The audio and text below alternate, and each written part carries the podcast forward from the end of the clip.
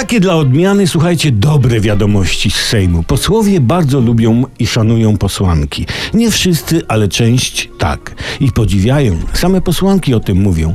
Posłowie lubią wyrażać podziw w stosunku do posłanek, jeśli stosunek jest tu słowem na miejscu, a jest, mówiąc, cytuję jedną z parlamentarzystek, te, dupa i śmieją się radośnie, opisując w dalszych miłych słowach dupę posłanki. I jakaż nieokiełznana romantyczna radość płynie z tych słów posła.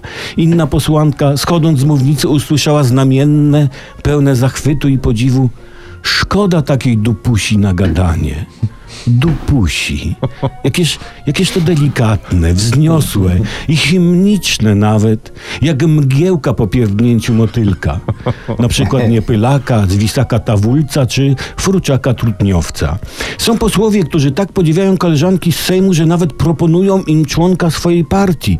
Znów chwalebny cytat zapewne gorliwego czytelnika Konopnickiej, która napisała Pójdź dziecię, ja cię uczyć każę. I poseł parafrazując poetkę rzekł do posłanki No chodź, do PiS cię wezmę. Wiesz kim jestem.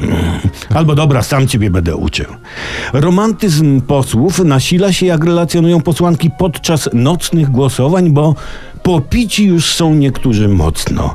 I wtedy można usłyszeć głosy takie w tradycji plebejskiej bukoliki, czyli takiej chłopskiej sielanki, ale bym ją wyżył i tak dalej, i tak dalej. A więc widzicie, są prawdziwe chłopy w tym Sejmie. Posłanki zawsze milczą, bo, bo nie wiedzą, co e, odpowiedzieć na tak miłe słowa. No, myślę, że zdanie wal się z boku na ryja, do żony też tak mówisz, no, załatwiłoby sprawę.